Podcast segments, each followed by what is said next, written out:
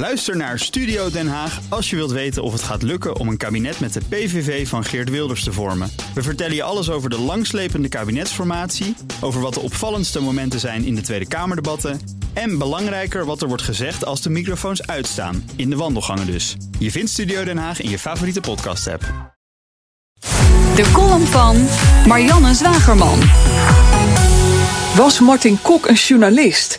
Die vraag hield ons mediamensen bezig in de uren nadat er een kogel door zijn lijf was gejaagd op de parkeerplaats van de Gooise seksclub Boccaccio. Kok een crime reporter noemen is over de top, zei John van de Heuvel in de Telegraaf. Want aan gedegen onderzoek deed hij niet en hoor en wederhoor was alleen maar lastig. Natuurlijk was Kok eerst en vooral een crimineel, een moordenaar die 17 jaar in de cel doorbracht. Maar in zijn laatste jaren was hij een nieuwsjager en dus in mijn woordenboek een journalist. Als er iets was gebeurd in het criminele circuit, zoals een afrekening of een andere gruwelijke moordpartij, wist je dat je op zijn site binnen de kortste keren de goorste foto's vanaf het plaatsdelict kon vinden.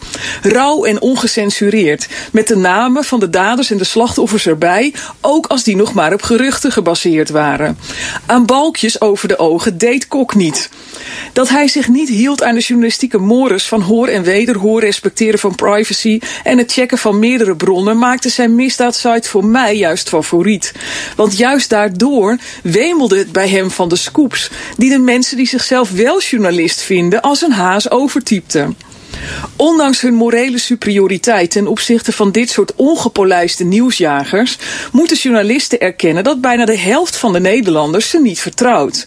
Dat lijkt me voldoende reden om eens te bekijken of je werkwijze nog wel deugt, in plaats van gnuivend te oordelen over burgerjournalisten. Want dat was Kok, een criminele burgerjournalist, die zijn contacten en wortels in de wereld van de misdaad volop benutte. Professionele journalisten leven zelfs nu nog steeds te veel in hun eigen bubbel. Al maanden hebben we het over de kloof tussen de journalistiek en de al dan niet boze burgers. Terwijl het juist nu makkelijker dan ooit is om te weten wat er bij de mensen speelt en hun kennis aan te boren. Uit onderzoek door het Stimuleringsfonds van de Journalistiek blijkt dat dit nog maar mondjesmaat gebeurt. Journalisten doen niets met de reacties van lezers op nieuwsberichten en sociale media, terwijl die vaak essentiële aanknopingspunten, en andere invalshoeken bevatten.